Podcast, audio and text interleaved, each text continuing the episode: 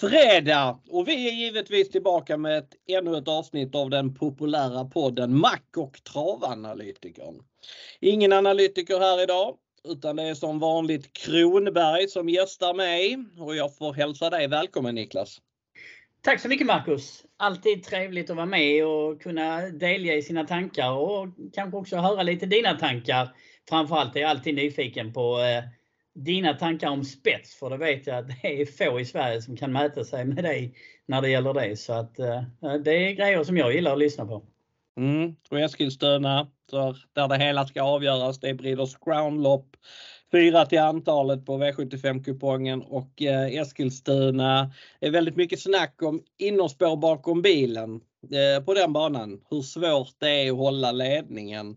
Eh, jag köper ju det eh, helt och hållet att det är inte enkelt att hålla spets från Eskils eh, från spår 1 men det är heller inte omöjligt. Har du en snabb häst så, så kan det absolut gå. Det är inte som det var på Örebro förr i tiden att det var i princip omöjligt att hålla spets utan det, det, det funkar att hålla ledningen från spår 1 på Eskilstuna men det vill till att du har en väldigt explosiv häst. Eh, jag tänkte riva av en grej först eh, det är så här att vi har snackat lite whisky där, i den här travpodden vid några tillfällen. Jag vet inte hur vi kom in på det. Jag är ingen superstor whiskydrickare men eh, jag tror att alla lyssnare tror att jag, att jag dricker whisky var och varannan dag. Ehm, jag gillar whisky, det gör jag. Eh, och där var en lyssnare som heter Peter som var så snäll så att han skickade lite samples på några whisky som han gillade. Eh, och dessa har jag givetvis provsmakat. Eh, jag fick tre stycken. Jag fick en Glenfiddich. Jag fick en svensk whisky som heter High Coast Berg och sen fick jag eh, en whisky som heter Glen Dronna som, eh, ja den var stark. Jag tror den var något på 57 procent. Eh, min whiskytunga, hade jag gissat på vilken som var starkast av whiskyna så hade jag gissat att Glenfiddichen var starkast. Eh, den var dock klart svagast, den var bara 40% Det var ingenting som föll mig direkt i smaken. Det var en 15-årig Glenfiddich. Jag tyckte att det var en ganska tråkig eftersmak på den. Eh, det var ingenting jag gillade. Däremot den där starka Glendrona, den var Glendronar heter den kanske. Den var ehm, den smakade bättre. Den tyckte jag var god. Eh, men eh, solklar etta var den här High Coast Berg som tydligen är en svensk whisky. 50-procentig eh, sherrylagrad eh, har jag googlat till mig. Den hade en eh, mörk eh, färg. Eh, otroligt god. Eh, jag fick, eh, jag tror jag fick 4, 4, 3, 4 eller 5 centiliter skickade av mig, till mig av Peter och eh, den eh, ska jag så fort jag får tillfälle att besöka ett systembolag köpa hem för att den var, den var som sagt ruggigt god. Den bästa whiskyn jag har druckit. High Coast Berg. Men du, då fick jag, då fick jag prata whisky återigen. Men eh, det här är ju en travpodd så att vi kanske ska, vi kanske ska återgå till Eskilstuna och V75 lördag. Eller vad tycker du Niklas? Ja det tycker jag. Jag har dock aldrig testat den här whiskyn så att eh, det känns som att det är läge. De andra har jag ju faktiskt testat. Jag har druckit rätt mycket whisky i mina dagar. Men eh, både Glendronach och eh, lite andra. Men eh, min favorit personliga det är Lagavulin utan tvekan. Den är ju rätt rökig. Men eh, jag får väl ta och testa eh, din whisky här. Så eh, Den här High Coast Berg. High Coast Berg, ja precis. Okay. Nej, den, ja. Eh, den var ruggigt god. Uh, V75 som sagt, ja, det är Eskilstuna som gäller och det är fyra Breeders stjärnlopp, Men eh, V75 är inte Breeders. Jag tänkte att vi börjar direkt.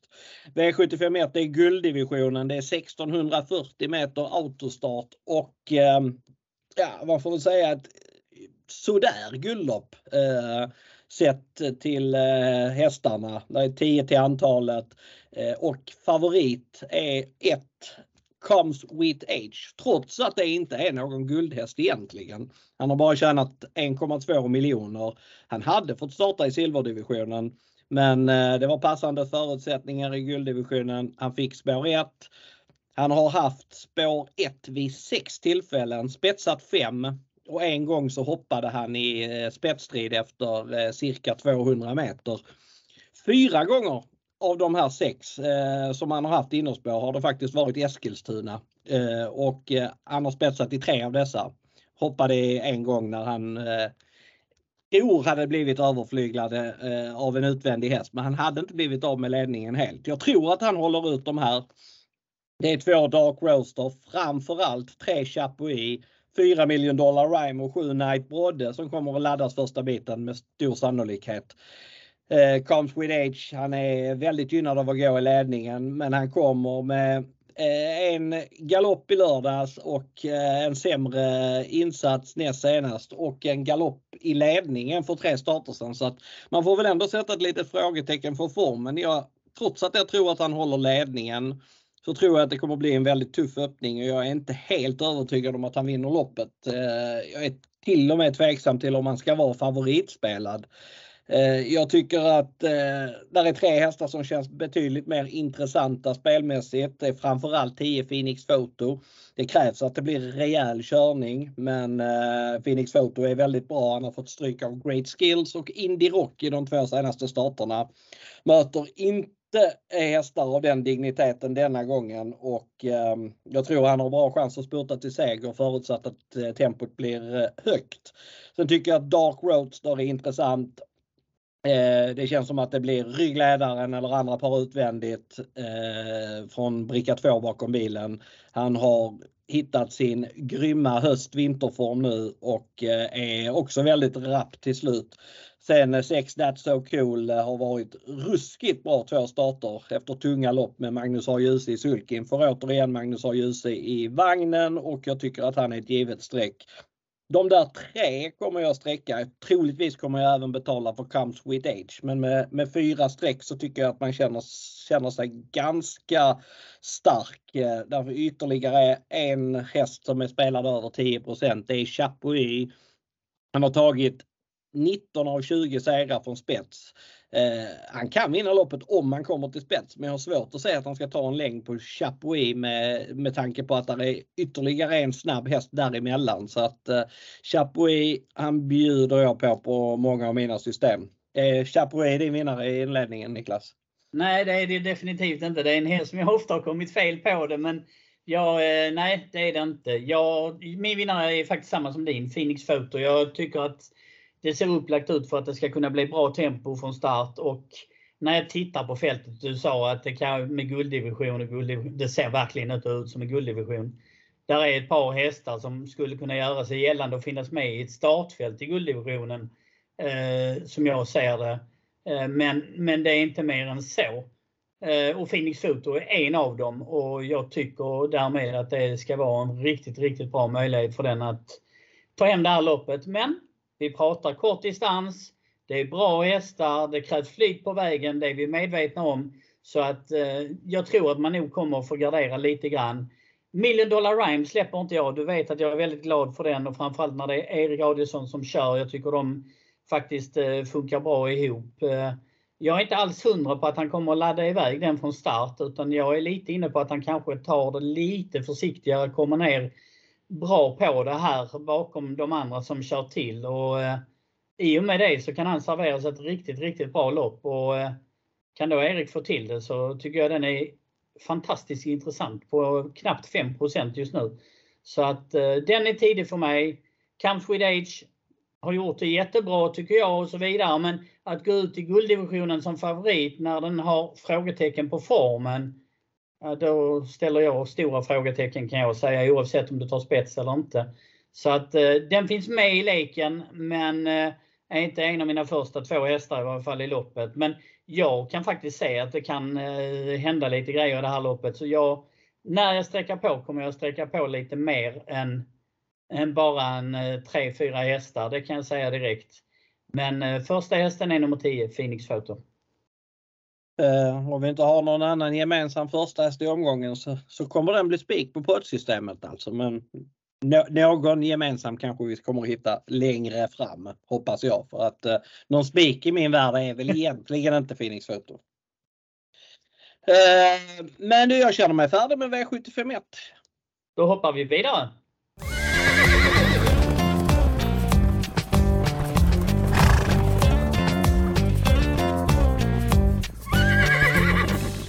V75 2 och här börjar Breeders Crown-cirkusen. Eh, det är treåringarna, de hingst, hingstarna och vallackarna som eh, gör upp här över distansen 21.40 autostart och eh, favorit det är kriterievinnaren 5 Fame and Glory som efter sex raka vinster förlorade för första gången senast i semifinalen mot nummer 3 Boscia Diablo.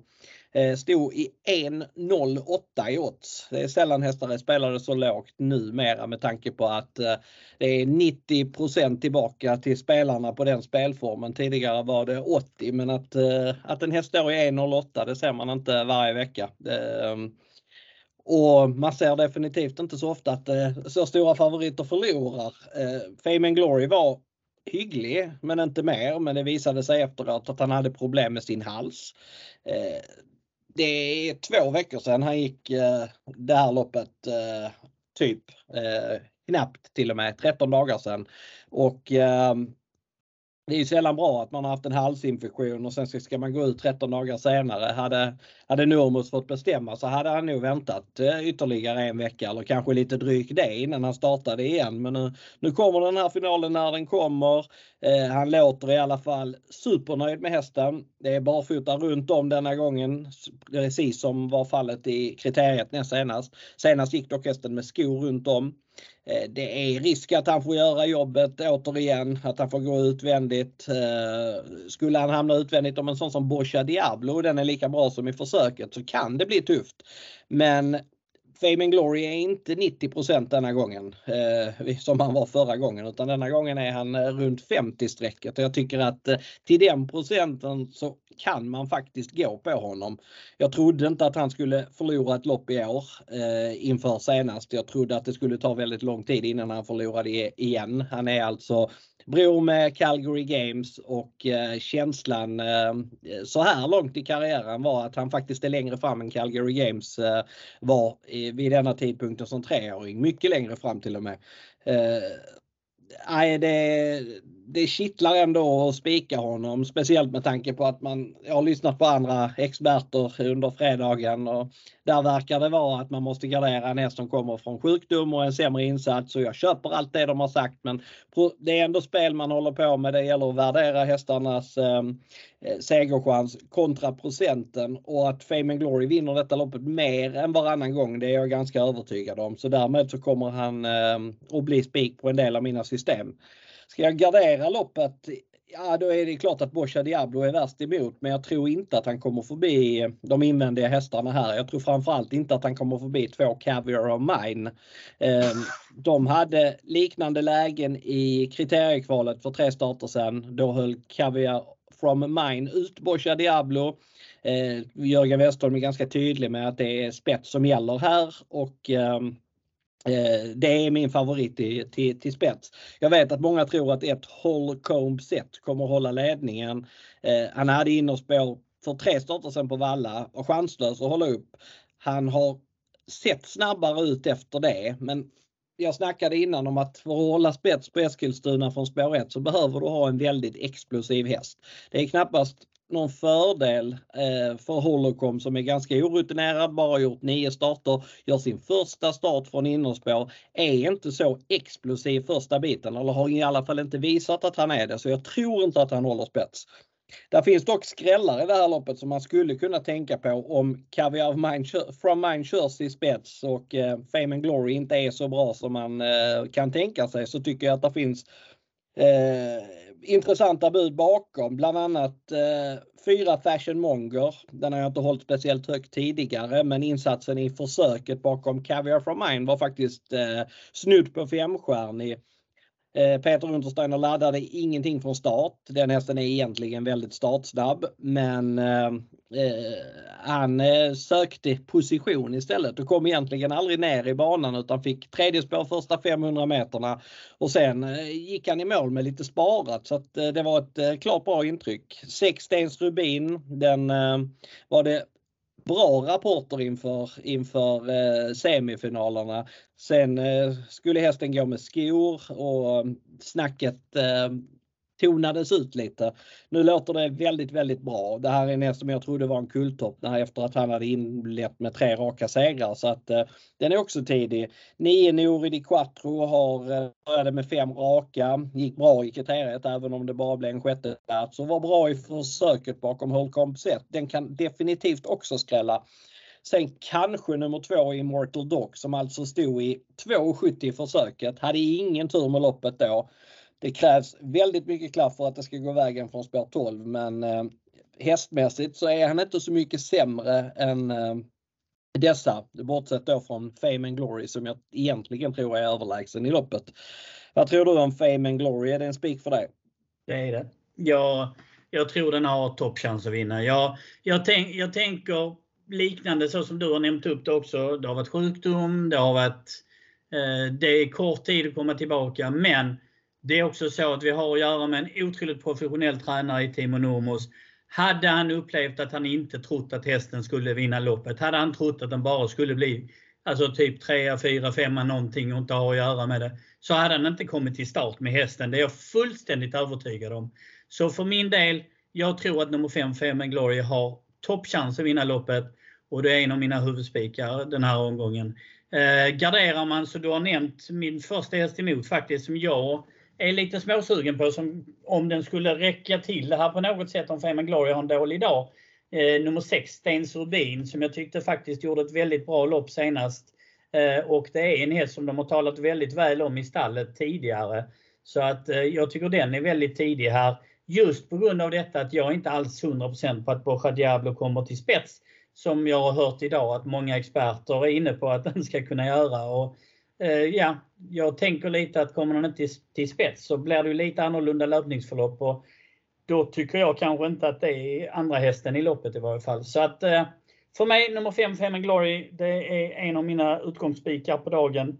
Garderar jag så kan ni räkna med att jag har med nummer 6, Stens Rubin, på mina system. Yep.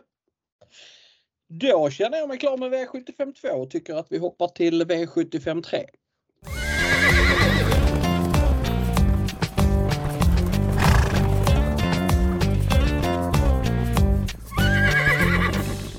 V753 det är ett långlopp som mäter 3140 meter och startmetoden är voltstart med eh, 15 hästar fördelade på eh, fyra volter till och med. Eh, och eh, en favoritspelare är nummer två Rendezvous som står start. Det är lite grann vinna eller försvinna över den här hästen. 26 starter, 7 vinster, 3 andra platser, ingen tredjeplats. Eh, eh, han har blandat och gett en del under sin karriär. Han är väldigt bra för eh, de pengar han har på sig men eh, för att tycka att han skulle vara motiverad som favorit så eh, hade jag velat ha honom i ledningen och det tror jag inte blir fallet denna gången. Eh, han kan vinna loppet med andra scenarier också men favorit tycker jag inte att han ska vara. Eh, det är väldigt mycket snack på Åke Lindbloms nummer 12 Our Dock. Eh, och han är ju en erkänt bra långskubbare. Eh, men han har bara vunnit ett lopp på nio försök i år. Fem andra platser. Den lutningen gillar man normalt sett inte. Eh, han står bra inne i loppet här. Jag tycker att just den volten som står 40 meter efter står väldigt bra inne i loppet. Eh, han eh, är också en sån som kan vinna men jag har jäkla feeling för att eh, nummer ett Mercenary leder detta runt om. Han ser konstig ut i stilen ibland men nu låter Jörgen Westholm väldigt, väldigt nöjd. Han är snabb i voltstart. Jörgen Westholm är extremt bra i voltstart. Eh, jag har svårt att se att Mercenary ska missa ledningen. Sen är det bara för Jörgen att ställa klockan, köra på den och sen eh, så tror jag att han har eh, bra chans att hålla undan till 8 Så att just nu så är det mitt drag i loppet. Jag kommer att chansspika Mercenary på en del system. Eh, bakom så, ja, om jag ska nämna någon häst till så är det kanske Grappa Boy nummer 10. Kristoffer Eriksson reser trots allt långt för att starta honom. Han har väldigt bra form. Han var ute i ett tufft eh, lopp förra gången som Glamorous Rain vann för eh, eh ja, Kristoffers andra häst. Eh, Rossi Garline var trea och så var någon eh, Colgini häst tvåa från spets men eh, Grappa Boy hängde med bra Eh, han eh, är snabb ut i, i voltstart. Han visade det för tre starter sedan när han spetsade från just springen. Han kan hamna bra till här och är också lite för lite spelad till 7% Vad tror du om långloppet? Tror du liksom många andra på Power Dock? Nej, det gör jag inte. Eller ja, den är med där uppe. Jag har den som tredje, fjärde rankad. Men eh, min eh, vinnare är Ferrari Sisu. Jag, du, går från, eh, du går från första spåret höll jag på att säga, eller från tät och jag går från längst bak i loppet. Så att vi är vitt skilda här. Men eh, Ferrari Sisu tycker jag har visat tidigare att den trivs i de här loppen. En grej som jag noterat är ju att Konrad Lugauer har fantastisk form på stallet just nu ser det ut som. Plus att han har faktiskt själv påtalat att Ferrari Sisu har en etta längst uppe i raden som försvinner i och med denna starten. Han siktar på Sylvesterloppet. Det gör, i min värld i varje fall, att hästen kommer att vara trimmad rejält. Jag är inte ett dugg orolig för att formen inte är där den ska vara.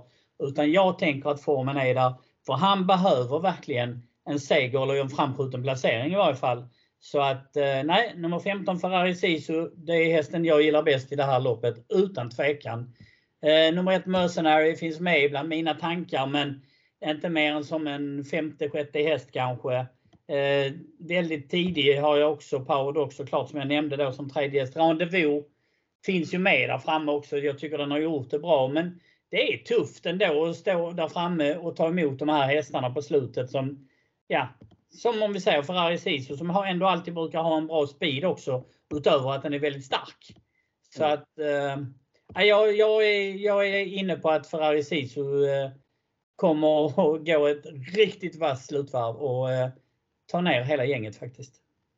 Ja, ah, han är ju en av dem som kan tänka så jag tycker det är svårt att ranka de här 5-6 eh, mest spelade hästarna inbördes faktiskt. Det är inget lopp som jag kommer att spika i på mina större system. Men eh, på de mindre och de som är kanske eh, lite där man går för eh, mycket pengar på lite mindre medel så att säga. Där skulle jag kunna tänka mig att spika Mercenary för att jag tycker att han står så jäkla bra till. Men, eh, och du spikar då Ferrari Sisu på den typen av system? Exakt, vi är lite inne på samma tankegångar i loppet men, men ifrån lite olika lägen. Eh, så att så är det. En häst som vi inte nämnde faktiskt, av varken du eller jag, Global Collection, står ju faktiskt vettigt inne i loppet. Så att eh, den ska man väl inte heller glömma bort när man garderar, men den är också betrodd. Så att ja, det var väl mest ett tillägg bara. Mm. Är det någon av superskrällarna som du tycker att man bör hålla upp? Eller någon av, eh, jag menar resten? Jag nämnde Grappa Boy, jag menar den, den kan vi och jag menar Kristoffer åker lång väg och hästen har visat kanonform. Det, det är väl klart att eh, garderar man på så ska den med men jag har ingen sån eh, jättefeeling för någonting annat mer än, mer än de vi har nämnt så att säga när vi kommer så långt. Så att, eh, jag hoppas kunna hålla mig på de där typ sex hästarna som vi pratade om. Mm. Men du, då eh, går vi vidare. Det är avdelning 4 som kommer närmast.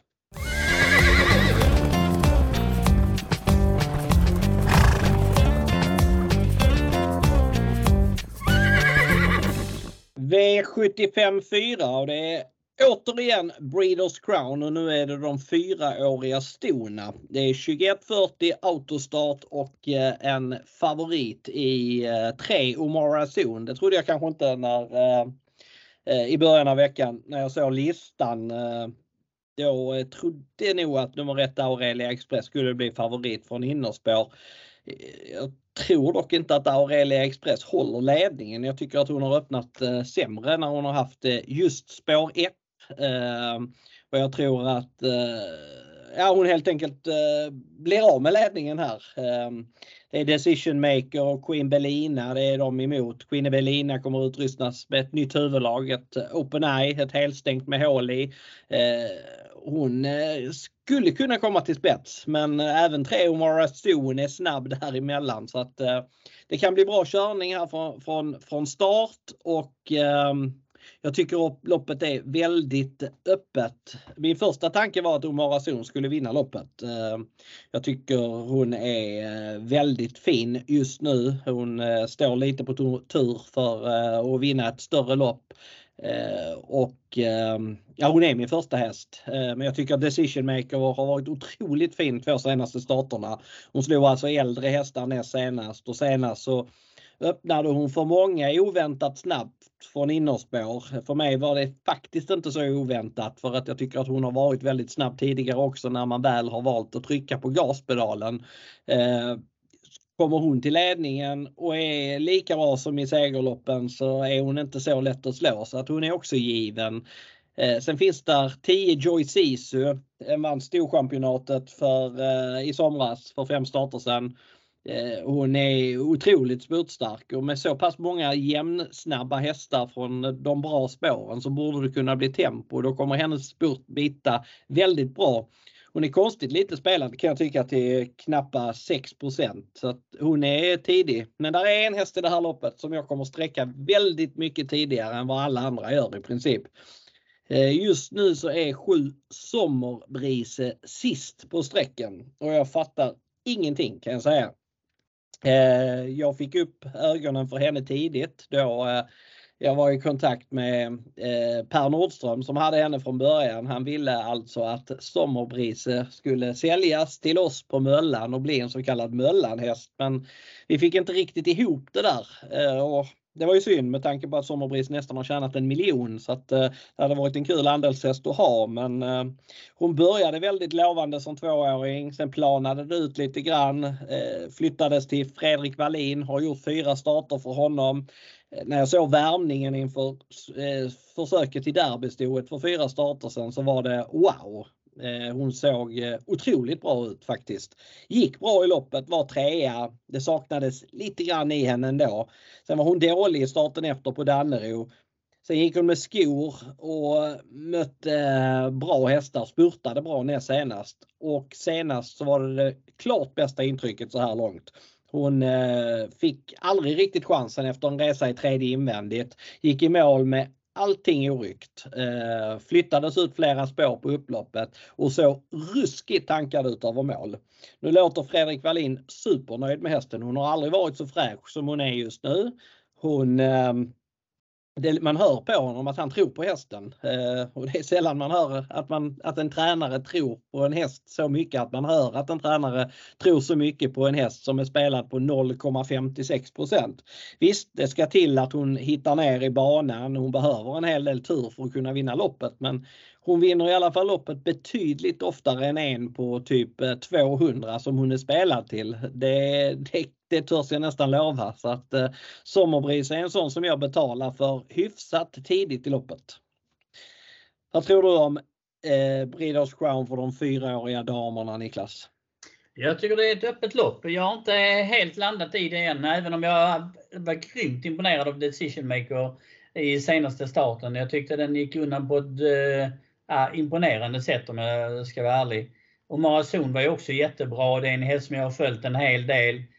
Tittar jag på strecken så blir jag lite konfunderad för jag kan ju garantera att om jag frågat dig för en månad sedan. Du är Queen Belina från spår 4 i Breeders Crown 5% Vad säger du?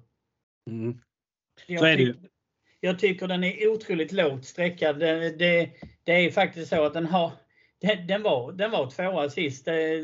Alltså den, den fick ju ge sig regelrätt så det var inte så men det är fortfarande på det viset att vi pratar om en häst som eh, liksom ja, har visat sig vara ett av de bästa stona och här är den inte ens sträckad bland de fem eh, på sträckan. Vilket ju gör att jag, jag tycker att den blir intressant. Eh, och vi vet ju att den är startsnabb. Så det är ju inte helt omöjligt att den skulle kunna komma till spets. Och kommer den dit så är det ju, ja, då är nog 5% verkligen eh, i lägsta laget. Så att, eh, Ehm, det är ett lopp som jag inte riktigt har kommit fram till mina tankar än. Ehm, Sommarbrise Sommerbrise som du nämnde är ju klart intressant, men kommer en bra bit ner på min rank. Men eh, garderar jag loppet med en 5-6 hästar så eh, är definitivt Sommarbrise en häst att ta med tycker jag. Eh, sen kan jag mycket väl tänka mig att kanske till och med sträcka även nummer 8, Bonville VI, som också har visat sig kunna räcka en bra bit i den här eh, kullen. Sen ska man aldrig glömma en häst som Joy Sisu som ju kan avsluta sjukt rappt. Så att, eh, ja, det, det, är ett svårt lopp för mig kan jag säga. Och jag kommer att gardera på. Ja, jag kan säga det med Queen Belina. Den, tidigare har det varit så att hon har glänst i försöken, varit favorit i finalen och sen så presterat sämre i finalen. Nu var det kanske lite nytt upplägg på henne. Hon var kanske inte riktigt lika vass i ett försök förra gången som hon har varit tidigare. Eh, men han har kanske ändrat någonting Westholm så att eh, för att hon ska vara bättre i en eventuell final. Så att eh, jag tycker också det är märkligt att hon har spelat så lite, liksom Joy Ceesay som faktiskt eh, vann eh, Storchampionatet och slog Joviality i Storchampionatet. Det är, det är en merit som, eh, som heter duga. Eh, de två tycker jag är väldigt tidiga. Jag rankar nog de trea respektive fyra just nu och Sommerbris kommer där bakom som femma, sexa någonting. Men eh, eh, spelmässigt så tycker jag att hon är mest intressant ändå. Eh, har du någonting att tillägga i avdelning 4? Nej, jag tycker jag fick sagt mina, min tanke om avdelningen. Så att, eh, varför tar vi inte och hoppar vidare till nästa avdelning? Då gör vi så.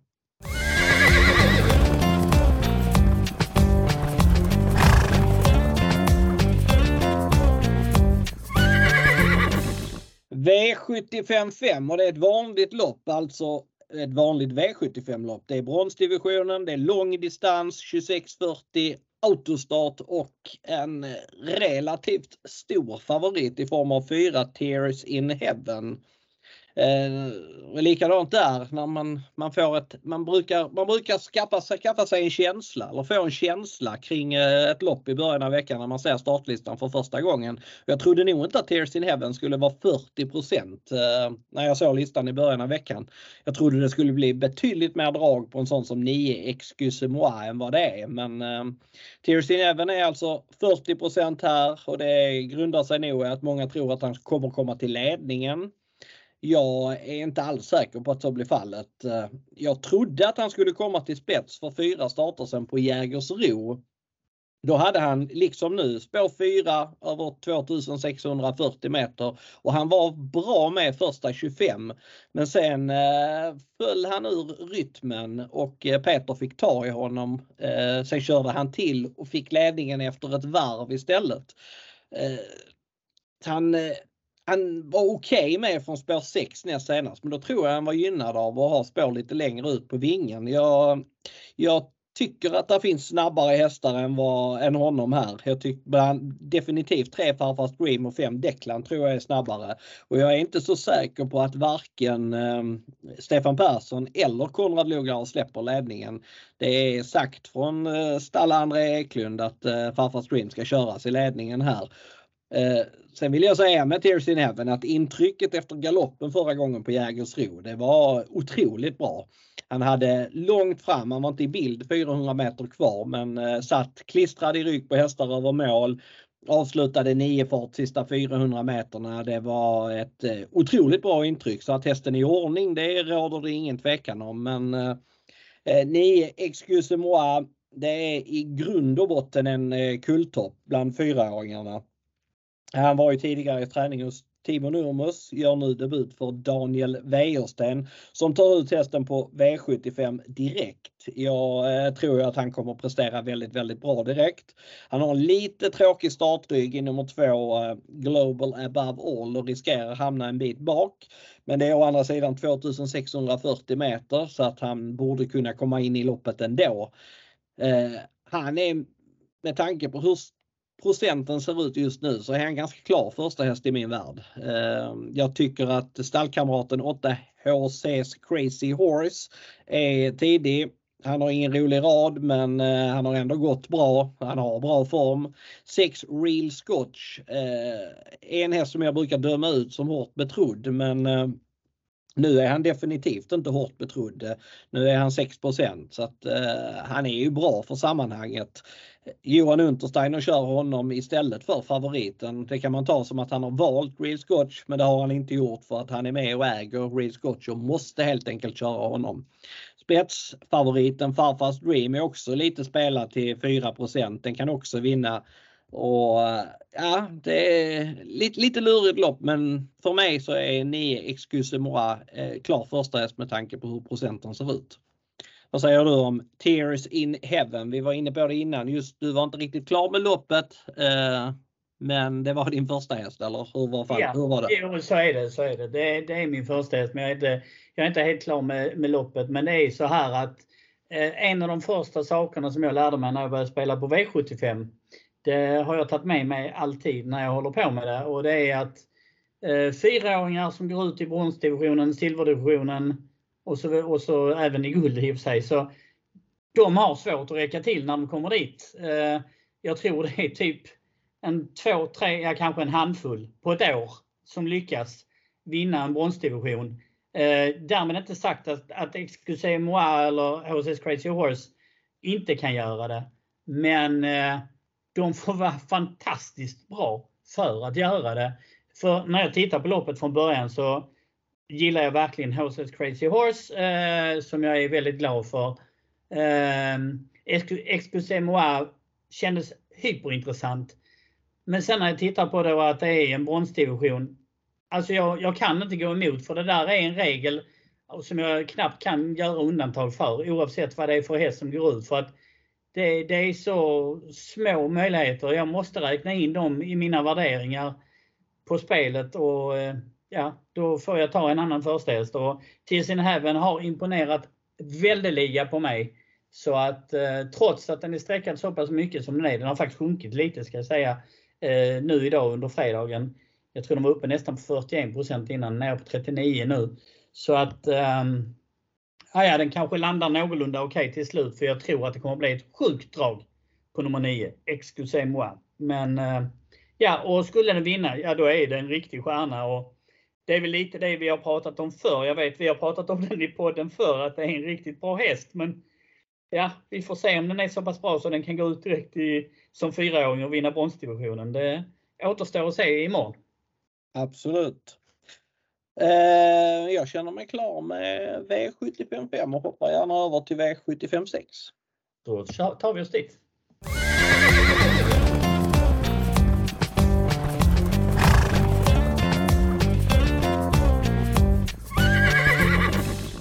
V75 6 och återigen är det Breeders Crown och den här gången är det de treåriga tjejerna. Distansen är 21.40 och det är autostart och eh, favoriten kommer från utlandet. Det är holländska 1 Ester Deglidé som är favorit till 48% Hon har startat nio gånger, vunnit åtta.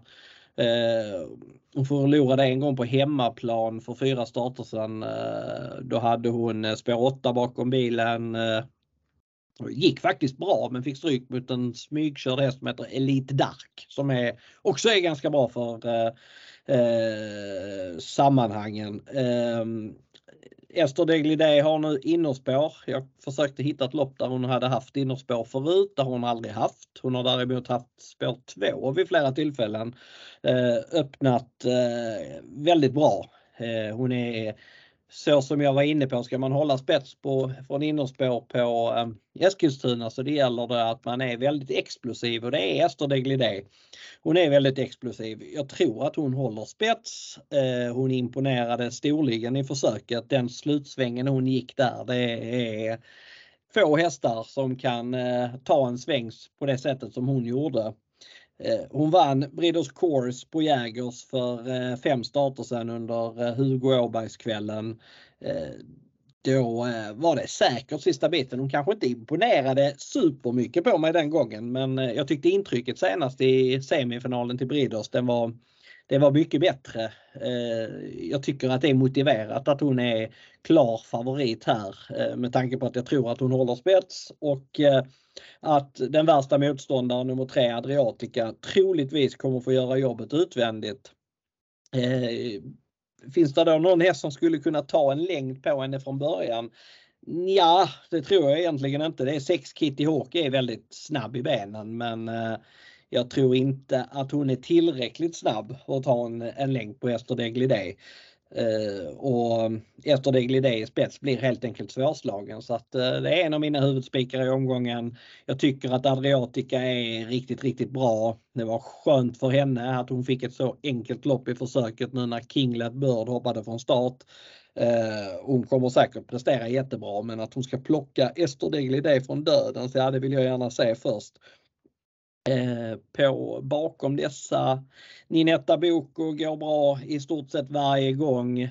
Eh, jag hörde något snack om att eh, om Kitty Hawk skulle ta sig förbi Ester Deglidé från början så skulle Ninetta Boko öppna som inlandsisen ungefär. Så dålig ut är definitivt inte Ninetta Boko. Hon spetsade faktiskt på Solvalla i eh, våras från eh, spår 4 med Björn Goop. Eh, hon har öppnat bra i Holland från spår 2 eh, utan att man har kört på henne. Hon kommer sitta ganska bra på det från, från spår 2 bakom bilen. Eh, hon är definitivt inte en av de långsammare hästarna i, i fältet utan eh, där har eh, man fått någonting om bakfoten på ATG Live när man säger att hon, är, att hon, att hon öppnar så pass dåligt som, som man säger att hon gör. För att, eh, hon är inget spetsbud men hon kommer sitta vettigt på det. Hon är ett eh, tidigt bud. Elegance Kronos, den brukar jag inte tro på men hon går ju faktiskt bra varje gång. Hon kan, kan vinna loppet. Ska jag hitta en superskräll så är det väl ett 11 Villa Explosive som det låter väldigt bra på. Det var dåliga rapporter på henne inför försöket. Hon hade stått över och skulle inte vara toppad men tog sig till finalen ändå. Hon kommer vara bättre denna gången. Det är ju jättelångsökt att hon ska vinna från spår 11 men hon vann försöket, eh, eller hon kvalade in till eh, Oaks-finalen med galopp. Eh, så att eh, kapaciteten finns det i henne. Eh, och till under procenten så kan hon vara värd att betala för om man, om man garderar upp loppet. Vad tror du om Ester Degli Day? Niklas? Ja, det är bästa hästen, det är jag rätt säker på faktiskt. Den, jag, jag har imponerats av den. Det, den biter ihop och alltså den, den, så som den såg ut sist när, när, den, bara, när den angreps så tyckte jag att eh, ja, det, den såg otroligt läcker ut faktiskt i avslutningen och allting. Så att, eh, och gången innan var den väl minst lika bra. Så att ah, Ester Degliday är ju hästen som man nog, ja, den, den, ska ha en bra chans. Jag är dock lite förkär för nummer tre Adriatica så att det, det är ju ett tidigt motbud för mig. Eh, även nummer två Ninetta Boko kommer ju på då för att det är ändå så att vi pratar om unghästar, treåringar som kan skifta lite mer i form än de äldre hästarna ofta. Så att eh, det kan vara värt att gardera på någonting men eh, nummer ett Ester Degliday ska ha en bra möjlighet och jag tycker den är värd sina 47% utan tvekan. Så att eh, det, det, är nog en favorit som ser ut att ha en bra möjlighet att hålla. Mm. Ja, det är lite som med Breeders Crown, framförallt treåringar sent på säsongen, kanske framförallt märrar som sent på säsongen. Att eh, man kan få se plattmatcher i, i, bland dessa och eh, hästar som kanske går lite under radarn som helt plötsligt är 20 meter bättre. Det, det har skrällt för i, i den här typen av lopp och jag kommer nog ha eh, många hästar på, på något system i alla fall. Eh, det gäller för övrigt alla British Crown-loppen att jag kommer gardera brett i, på något system i något av de loppen. Det, det, det kan jag säga för det har, det har hänt flera gånger att det har kommit rena rama storskrällar i Breeders Crown-finalerna. Kan nämna en eh, häst här i loppet faktiskt som jag tycker är lite lågsträckad. Det är nummer 10, Teaser. Den eh, felade med till synes krafter kvar tyckte jag i Oaks i varje fall och gjorde en bra avslutning senast. Eh, från, eh, från spår 12. Det är liksom Spår 10 det är ju inte så mycket bättre men det är i varje fall lite bättre. Och det, vi vet ju själva, vi sitter och pratar om att det skulle kunna bli liksom att de försöker öppna rätt hårt här och försöker göra en kupp mot nummer ett så att säga. Och då kan du ju helt plötsligt öppna upp för skrällar som du säger. Och ja, då kan det vara värt att sträcka nummer 10 teaser. Precis, precis. jag, kommer, jag tror inte att 8 Janita Silvio och 12 Capuchin Dan Wern, de tror jag inte vinner loppet. Men eh, de, de andra 10 skulle jag faktiskt kunna tänka mig att betala för. Eh, men vi har bara ett lopp kvar. Jag är sugen på att kasta mig över det. Vad säger du om det Niklas? Jag hänger med dig så att det är bara att köra på. Ja, det är bra.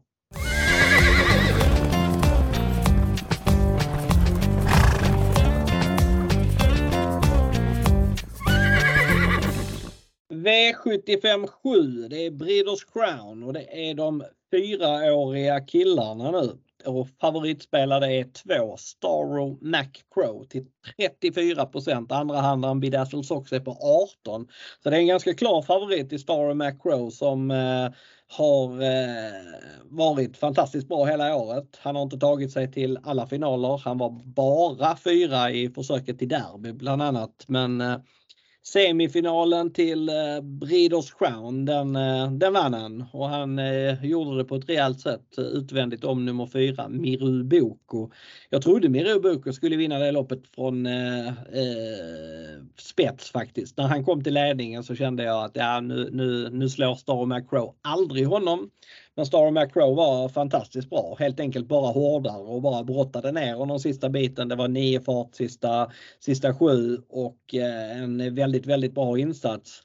Eh, nu har han spår 2. Det är ju mitt i prick för honom. Han spetsar inte men han öppnar ändå okej. Okay. Han hade spår 2 i Sprintermästaren bland annat och då var han ju faktiskt med och körde om ledningen så att eh, han eh, är bättre ut än vad, än vad eh, många tror. Eh, kommer hamna bra till och är tidigt segerbud.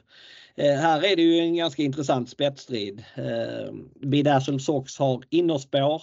Han har faktiskt spetsat från spår 1 på just Eskilstuna. Det var i en E3-final eh, förra året, förra sommaren mot Corazon Combo. Då spetsade han från innern. Sen har han haft spår 1 ytterligare två gånger och då har han blivit av med ledningen. Eh, han eh, är snabb utan att vara någon superblixt skulle jag vilja säga. Eh, och jag tror att en sån som 3, Affair Day, tar sig förbi från början. Han öppnade jämnsnabbt med eh, Dancer Brodde i semifinalen. Fick ledningen sedan den galopperade och eh, sen gick han undan på ett ruggigt bra sätt från spets. Eh, det var, eh, ja, det var ett jättebra intryck helt enkelt. Han, han är min spetsfavorit och jag tycker han är hästen att slå faktiskt. Eh, jag rankar honom i detta läge etta. Sen har jag faktiskt nummer fyra Miru Boko som tvåa trots att han fick stryk av Star Macrow senast. Men det är spännande ändringar där med första ryckhuva och dessutom barfota runt om anmält. Det tror jag kommer göra en hel del på honom. Han är dessutom eh, grön och det kan vara, kan vara positivt för honom. Det är många hästar här som är brända och som kanske inte kommer visa upp sig 100% i form på, sönd- på, på lördag. Det tror jag däremot att Miro Boko kommer göra. Jag tror att han kommer vara ännu bättre och svara för sitt livs prestation eh, i denna starten. Eh, jag har feeling för honom men eh, tycker att Affair Day är första häst. Eh, ska jag gardera vidare så Bedazzled Sox kan givetvis räcka. Eh, det var ett klart plus med Sjöström i vagnen förra gången. Eh, eh, han eh, behöver inte ha spets för att vinna detta loppet. Eh, han kan vinna även från ryggledaren givetvis. Sen Santis har vi nummer 7 där var det snack om att man skulle chansa med barfota runt om. Han är fortfarande bara anmäld barfota bak men eh, Santis Harvi han har haft ett motigt år, bara tjänat 799 000. Det, var, det trodde man nu skulle vara mer med tanke på hur bra han var när han vann kriteriet förra året. 9 Pepper Time, gå jämna och bra lopp hela tiden, gick jättebra bakom Bidazzle Sox i försöket. Eh, den kan också vinna. Eh, ska jag nämna någonting mer här så är det, ja, ja det Ja, ja, ja, kanske nummer 5 Game Brodde som jag tyckte eh, fullföljde på ett bra sätt bakom mig Fair Day i, i försöket. Men eh, jag tror att jag kommer hålla mig till tre streck på en hel del system här. Två Star Mac Pro, tre Affair Day och fyra Miru Boko. Vad tror du om spetsstriden och eh, eh, vem tror du vinner avslutningen Niklas? Jag är nog inne på att nummer tre Affair Day tar spets, eh, men jag har inte den som första häst. Jag, jag hade det från början när jag öppnade och tittade i programmet och ofta ska man väl inte ändra sig men jag måste säga att jag är, jag, jag jag är glad för nummer ett, Bedazzled Sox. Jag tycker att den är inte ens favorit i loppet, 18% Vad har den gjort på slutet de sista fyra starterna? Jo, det är tre segrar plus att den satt fast med till synes hur mycket som helst i Europaderbyt bakom, bakom eh, vinnaren där, eller i, i där, eh, bakom eh, Barack Faith bland annat. jag, jag tycker att den är ja, helt felstreckad faktiskt i min värld. Så att eh, jag tycker den är väldigt tidig här. Eh, Claes Sjöström har kört den en gång. Det är 100% Han vann den gången med den. Eh, jag tycker det, det känns klart intressant i det här loppet. För jag tycker att folk ratar den lite orättvist nu. Efter att man pratat upp den som att det var liksom en derbyfavorit och en potentiell derbyvinnare och så vidare och så vidare. Nu går den ut och den möter inte de allra bästa även om det är bra hästar emot. Och den är inte ens favorit. Eh, men gjorde ett bra försök, rycker skorna den här gången. Jag tycker att den är klart intressant. Men såklart, och Fairday från spets, eh, den, den såg grym ut sist alltså. Det var helt sjukt intryck ju. Och eh, ja, det, det, känns som att den går upp och möter ännu bättre hästar nu men det, det, det såg liksom inte tomt ut sist. Det var inte så att det, det såg ut som att det, det, det skulle vara tomt tidigt här utan ja, vi har nog inte sett eh, botten i den än och det är klart så länge man inte har gjort det så, så måste den ju vara ett tidigt streck här.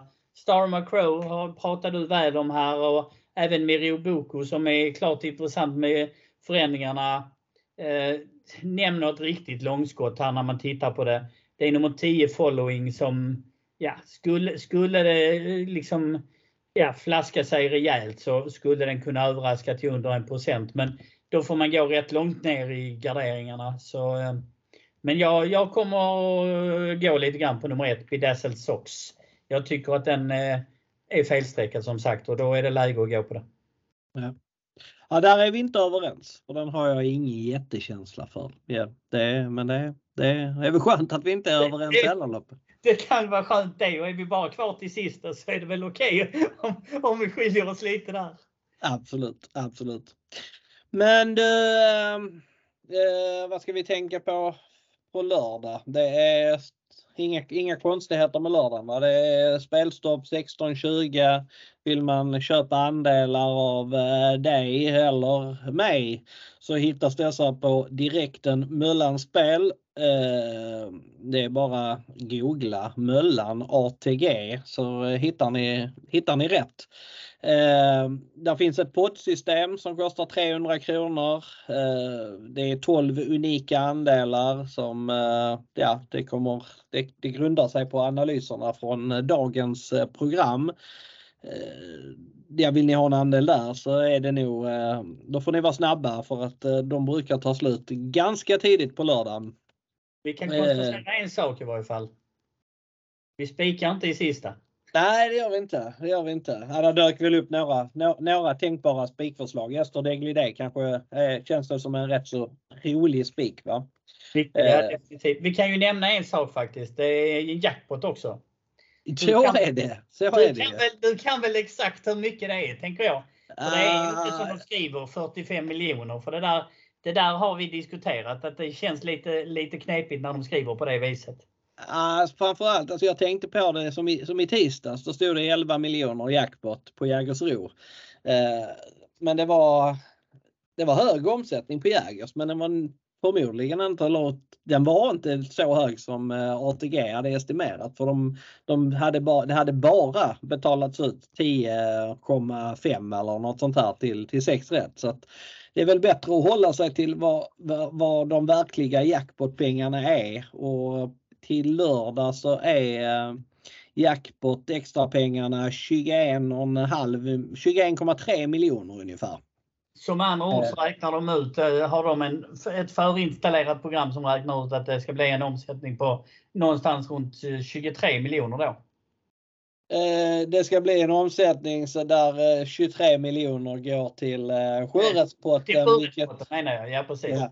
Vilket, vilket ger ungefär, ja de, de räknar med drygt 100 miljoner i omsättning på lördag. Men eh, sitta och chansa på, på en siffra, det är väl bättre att bara säga att det är, det är 21,3 miljoner i jackpot. För det, det är de pengarna vi spelar om extra och det är det mest ärliga och, eh, och, och, och hålla sig till det. Eh, det är så många som missuppfattar detta. Det, det, det hade inte missuppfattats på samma sätt om man hade uttryckt sig så som jag vill att man ska uttrycka sig. Det hade känts betydligt mer ärligt. Eh, och eh, jag hoppas att de ändrar på det men det kommer de aldrig göra för att givetvis så låter det bättre. Jackpot 45 miljoner till en ensam vinnare.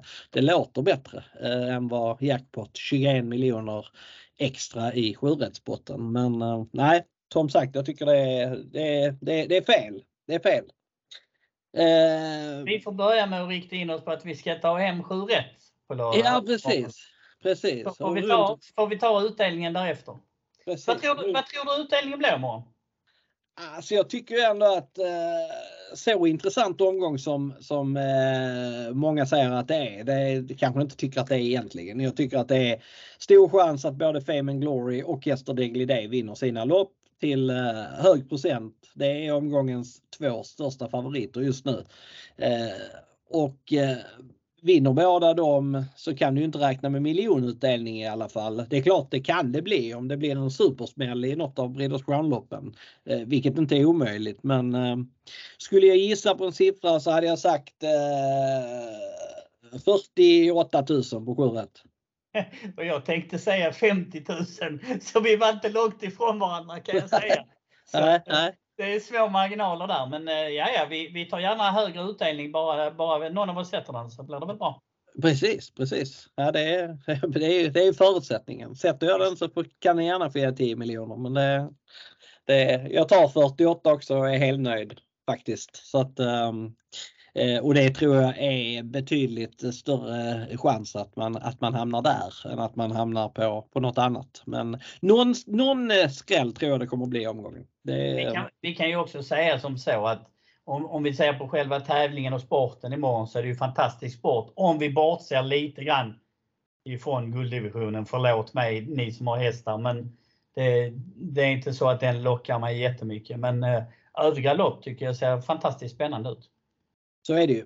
Breeders är alltid roligt och det är ju roligt när man får se samtliga unghästar möta varandra samma dag. Det är ju, annars är det ju eh, uppdelat så att treåringarna har, har sin dag med kriteriet och Oaks och fyraåringarna sin dag med, med derbyloppen. Så att eh, nu, nu kommer de ut exakt samma dag eh, samtliga tre och fyraåringar och det är klart att det är spännande. Det är, för många så är det väl årets sista start innan man går till eh, vintervila.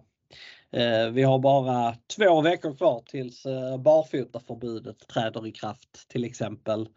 Eh, nu har jag inte kollat väder och vind inför Eskils på, på lördag men eh, valfri balans kan man ju tänka sig att det blir. Jag såg banan idag, de körde lunchtrav och den var väl inte perfekt men eh, samtidigt så hade de väl preparerat den idag för att den skulle vara som allra bäst imorgon. Så att eh, man kan ju tänka sig att det blir en eh, superbana att tävla på imorgon och en hel del bra prestationer. Men även vill jag varna för i alla fall att det kan bli några bottennapp och hårt betrodda hästar i vissa lopp. För det är som sagt november månad sent på säsongen och slitna hästar i vissa fall tror jag. Det ligger mycket i det och det är väl det man ska ta med sig framförallt. Att Vissa hästar har ju matchats eh, väldigt hårt under hela säsongen. Och det är klart att skulle de vara på topp i augusti så kanske de inte är på topp i november. Så enkelt är det. Eh, exakt så. Exakt så.